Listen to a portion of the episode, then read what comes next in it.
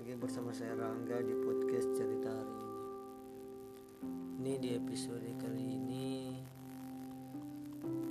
saya mau membahas tentang luka. Ya, luka. Menurut saya tidak semua luka itu menyakitkan kok.